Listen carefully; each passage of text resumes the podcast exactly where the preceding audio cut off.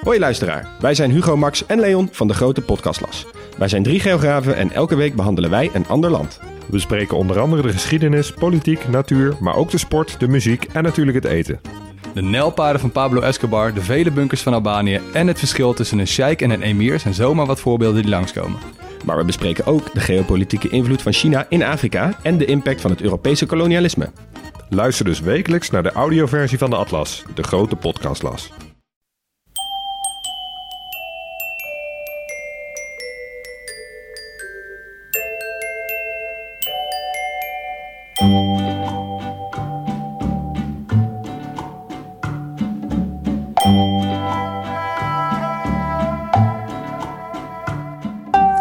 Welkom bij aflevering 3 van de Echt Gebeurd podcast. Waar echt gebeurde verhalen worden verteld door de mensen die het zelf hebben meegemaakt. In deze podcast een verhaal van Ron Sitek. Het thema van de Echt Gebeurd middag was de feestdagen.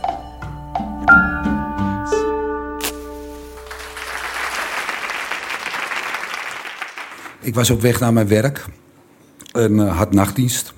Ik werk uh, op de ambulance in Amsterdam. Uh, het is traditie dat wij dus de avonddiensten wat vroeger aflossen, omdat uh, ja, onze avond en nacht is toch al naar de knop. En uh, nou, op het werk aangekomen werden we al heel warm welkom geheten door de, door de jongens van de avonddienst. Dus die, die zijn naar huis gegaan en wij hebben onze ambulance klaargemaakt om te gaan beginnen. De eerste melding die wij kregen was rond tien over half twaalf. We moesten dus naar Amsterdam-West. Daar zou iemand naar beneden gevallen zijn van drie hoog tijdens het vuurwerk afsteken. Wij zijn daar uh, aangekomen en inderdaad, er lag iemand op straat. Uh, zwaar gewond. Uh, dus die jongen, die, daar zijn we mee aan het werk gegaan. En terwijl we bezig waren, was het opeens 12 uur. En de, de ja, gekkenhuis, vuurwerk. We zaten er middenin met, met een, een stervend iemand. We zijn toen snel met hem naar het ziekenhuis gereden. De jongen is daar overleden. En terwijl wij de ambulance dus aan het schoonmaken waren, werden wij opgeroepen van... jongens, uh, ga naar Volendam, er is daar iets aan de hand. Wij hadden zoiets van, jezus, wat een gek die centralist. Het is, het is oudejaarsnacht in Amsterdam. Hartstikke druk hier. Wat moeten wij godsnaam in Volendam doen? Er was toen nog helemaal niets bekend. We kregen alleen door, er is een brandje. Nou, zwaar ligt aan sirene, op weg naar Volendam. Toen we daar aankwamen, zagen we ja, mensen op straat lopen. Zo. We hadden verder nog geen uh, informatie, want er was op dat moment heel moeilijk contact te krijgen met de meldkamer. Het was oudejaarsnacht, de hele wereld belt elkaar om gelukkig nieuwjaar te wensen. Dus was, we zijn er een beetje op eigen initiatief naartoe gegaan. Uh, we werden aangesproken door mensen met brandwonden, zagen wij wel. En we iets van, jezus, er is hier echt iets aan de hand. Uh, toen kregen wij te horen dus dat er op de dijk een brand geweest was in een café. En wij zijn toen daar naartoe gereden. We zagen al brandweer en dingen. Er was één chaos daar op die dijk. En uh, wij werden daar opgewacht uh, door iemand en die zei... Uh, je moet hier naar binnen toe. Nou, we stonden half in het water, want er was geblust die nacht daar. En ja, we kwamen gewoon in een rampscenario terecht. dode kinderen die er lagen. We hebben echt mensen moeten aanstoten van... oh, deze is dood en deze leeft nog. we hebben ons toen geconstateerd op één jongen die er lag... Ik zal u de details besparen, maar het enige wat niet verbrand was bij die jongen waren zijn geslachtsdelen en de binnenkant van zijn handen. Hij was volledig bij kennis. Wij hebben hem toen meegenomen, de ambulance in. Uh, hebben de nodige medische handelingen verricht, infusen, zuurstof. En uh, zijn toen met hem naar het ziekenhuis gereden. Praten, praten, praten met die jongen. En het ziekenhuis aangekomen hebben wij hem, uh, er stond een heel team klaar, want alle ziekenhuizen waren inmiddels uh, gewaarschuwd. Er stond er een heel team klaar om die jongen te ontvangen. En we hadden hem dus verteld dus dat hij in slaap gebracht zou worden. En uh, wij wisten al dat hij de nacht niet zou overleven. Dus we hebben, ja, ja het is heel moeilijk. We, we hebben gewoon met die jongen zitten te babbelen.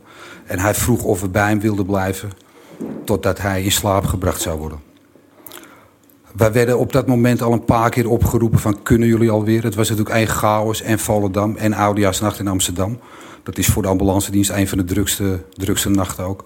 Maar ik heb mijn mobielefoon uitgezet, ben bij hem gaan zitten, heb zijn hand vastgehouden, met hem zitten praten tot hij, totdat hij in slaap gebracht werd. Het was echt een, een, ja, we zijn in Amsterdam een kutmoment. Dus dat mag ik wel even zeggen zo. We zijn toen weer naar de ambulance gegaan, hebben ons weer ingemeld, dus dat we weer beschikbaar waren. Maar wel gezegd dat we even langs de post moesten om materiaal aan te vullen. De brancard te verwisselen, want het zag er niet uit allemaal. Op de post werden wij dus opgevangen door collega's die van huis gebeld waren ook. En uh, die wel wat gedronken hadden. Te veel gedronken om te rijden, maar toch gekomen waren om ons een beetje te ondersteunen. Dus we kwamen binnen, er werd gezegd van pak een bak koffie, neem een broodje. Waar die broodjes vandaan kwamen, dat is me nog een raadsel, maar ze waren er. Uh, pak een bak koffie en uh, wij zorgen dat jullie auto weer in orde is. En nou, we gaan een bakje koffie gedronken. En toen hebben we ons weer opnieuw ingemeld bij de, bij de meldkamer dat we weer inzetbaar waren. En toen kregen we te horen van, uh, ga maar weer richting, met spoed richting Volendam. Ik uh, keek toen mijn collega aan en hij zei van, jezus man, ik heb hier helemaal geen zin in. Ik wil, ik wil, uh, ik wil dat niet. Maar ja, je moet gevoelens op dat moment uitschakelen. En gaan weer. Halverwege werden we gelukkig opgeroepen van, we waren nog in Amsterdam. Van jongens, het wordt even anders. Jullie krijgen een andere rit op je moet naar dat en dat adres. Daar heeft een vrouw haar polsen doorgesneden. Ik weet nog dat ik dacht van yes, gelukkig even een normaal ritje. Ja, te gek voor woorden. Bij die vrouw aangekomen, nou, lag daar uh, ja, polsen doorgesneden. Ze had een paar krasjes gedaan en zo. Omdat ze ruzie had gehad met haar vriendje. En op dat moment zou je wel willen zeggen van... Jezus mens, ik zou je wel naar Volendam willen rijden. Dan moet je daar eens gaan kijken. Ja, het is niet professioneel, maar op dat moment denk je dat... en mag je dat ook denken, denk ik. We hebben haar naar het ziekenhuis gebracht en uh, op de vuur aangekomen. Het eerste die ik zag was mijn vriendin. En ik dacht van, Jezus, jij was toch vrij? Maar helemaal niet aan gedacht dat ze haar ook van huis gebeld hadden van... Uh, kom alsjeblieft werken, want het is hier een gekkenhuis. Uh, we hebben die mevrouw op bed gelegd. Ik heb haar veel sterkte gewenst met haar relatie. Want dat was de oorzaak dat ze haar uh, pols had doorgesneden. Ben naar mijn vriendin gelopen en uh, even een knuffel gegeven voor het nieuwe jaar. Mekaar een beetje aangekeken van Jezus, wat een nacht. En, maar ja, je moet verder. Wij hebben ons weer ingemeld, maar op dat moment was het ook lekker druk in Amsterdam. Dus wij hoefden gelukkig niet, niet terug naar Volendam. En ja, we hebben ons de hele nacht dus verder bezig gehouden. Dus met met de mensen dus die uh, door de drank, door vechtpartijtjes en weet ik veel wat voor klein leed allemaal hebben ons daarmee bezig gehouden. En ja, ik moet zeggen, het was, het was een nacht die ik nooit ga vergeten. Nooit mag vergeten. twee weken later werden wij dus opgebeld door een of andere pastoor uit Volendam... die, die zich erg met de familieaangelegenheden bezighield. Dus dat de ouders graag met ons eh, in gesprek wilden komen. Omdat wij dus de laatste waren die hun zoon gesproken hadden. We hebben ja gezegd natuurlijk. En ik weet nog dat we afgesproken hadden voor een avonddienst die we hadden. En uh, ja, we kwamen daar dat kamertje in. En ik heb nog nooit... Ik heb veel ellende gezien in mijn, in mijn werk. Maar ik heb nog nooit twee stukken verslagen, verdrietige mensen gezien. Ze wilden precies weten wat hij nog gezegd had, wat hij gedaan had. Ze waren heel blij met het feit dus dat we bij hem gebleven waren. En uh, toen het gesprek afgelopen was, kregen wij van de moeder... kregen we alle twee een foto, want ze wilden dus dat wij haar zoon zouden zien zoals hij was. En niet als het zielige verbrande hoopje wat wij in het ziekenhuis hadden afgeleverd. Uh, het gesprek was afgelopen. Mijn collega zei, ik weet niet wat jullie doen, maar ik ga naar huis. Terwijl we avonddienst hadden. Ik ben uh, op de wc gaan zitten daar op mijn werk, dat weet ik nog goed. Potje zitten janken. Ondanks het rookverbod stiekem twee sigaretjes gerookt daar. En uh, ja, ik ben ook naar huis gegaan. Ik, uh, ik had geen trek meer om te werken. Dit is natuurlijk een heel bizar verhaal. En wij maken natuurlijk op de ambulance, het is altijd ellende en leed. Maar zulk leed, dat, dat hoop ik nooit meer mee te maken. Het is is een kroeg vol met kinderen die dan liggen overleden. Maar gelukkig heeft ons werk ook heel veel leuke kanten. Ik wil het niet al te dramatisch afsluiten zo, maar... Er is heel veel humor ook op de ambulance. Hele harde humor ook. Ik heb nog nooit zoiets gehoord. Dus ik denk dat het ook een stukje zelfbescherming is. Voor jezelf. En uh, gelukkig uh, gaat niet iedereen dood. We redden we ook heel veel mensen. En naar reanimaties, naar ongelukken. En uh, om u een leuk verhaal te vertellen. Dus uh, wat we een tijdje terug meegemaakt hebben... is dat we uh, bij een oude baas geroepen werden... die, die in de gang zal leggen. We werden geroepen... Of zijn dochter had gebeld...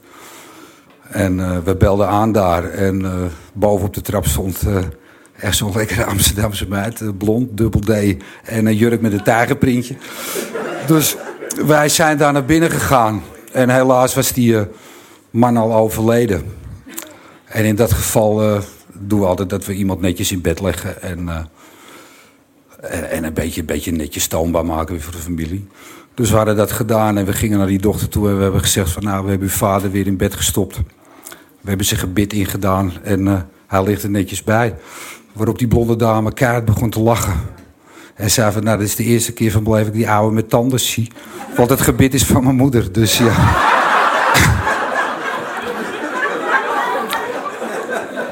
Ja, dat is een beetje de humor. Dat is echt gebeurd. En uh, dat, maken we, dat maken we ook mee.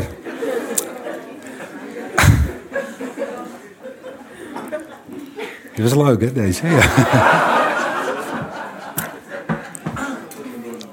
Ik, uh, ik wil tenslotte nog één keer teruggaan naar 31 december. Ik ga het afsluiten nu.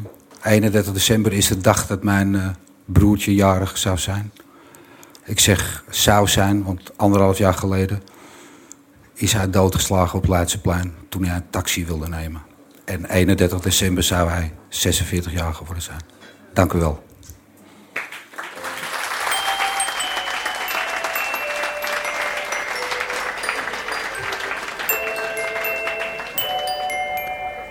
Dat was Ron Sitek. Ron Sitek werkt nog steeds in Amsterdam als ambulancebroeder. En zo te horen heeft hij nog wel veel meer verhalen te vertellen. Echt gebeurd wordt iedere derde zondagmiddag van de maand opgenomen in Toemler. Onder het Hilton. In Amsterdam. Heeft u zelf een bijzonder verhaal te vertellen? Of wilt u er gewoon een keer bij zijn als er echt gebeurde verhalen worden verteld? Ga dan naar www.echtgebeurtintoemler.nl dat is een lang woord zonder puntjes. Op www.echtgebeurtintoemler.nl kunt u zich ook opgeven voor onze nieuwsbrief.